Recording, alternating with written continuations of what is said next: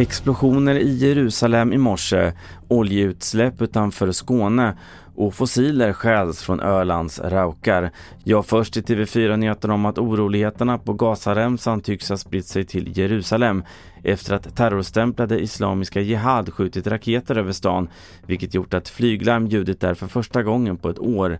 Raketerna sägs vara ett svar på att gruppens högsta befälhavare dödades i ett israeliskt luftangrepp sent igår kväll. Vi hör Anders Persson som är lektor i statsvetenskap på Linnéuniversitetet om eskaleringen. Ja, det har ju varit oroligt i Israel och på de palestinska områdena under eh, ett halvårs tid sedan den här terrorvågen i vintras och i våras. Och det är framförallt den här gruppen Islamiska Jihad som man ligger bakom och eh, så det här är som vi säger är ju en upptrappning. Sverige nu. Ett mindre oljeutsläpp på upp till 100 liter upptäcktes längs Skånes nordvästra kust igår kväll.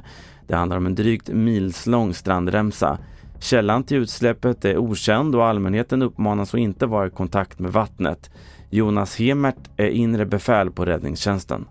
Nu på morgonen så har kustbevakningen åkt över ytorna utanför stränderna från Hittarp till Höganäs utan att hitta något ytterligare utsläpp. Och det är ju jättepositivt för oss. Till sist, sedan flera år tillbaka har Öland problem med stölder av fossiler vid berghällar och raukar i naturreservaten.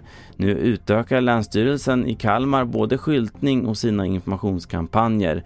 Johan Jansson är reservatsförvaltare på Länsstyrelsen Kalmar.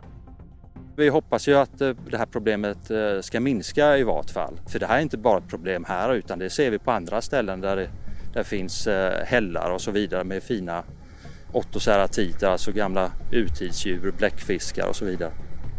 Du hittar fler nyheter på tv4.se och i appen TV4 Nyheterna. Mitt namn är Carl-Oskar Alsen.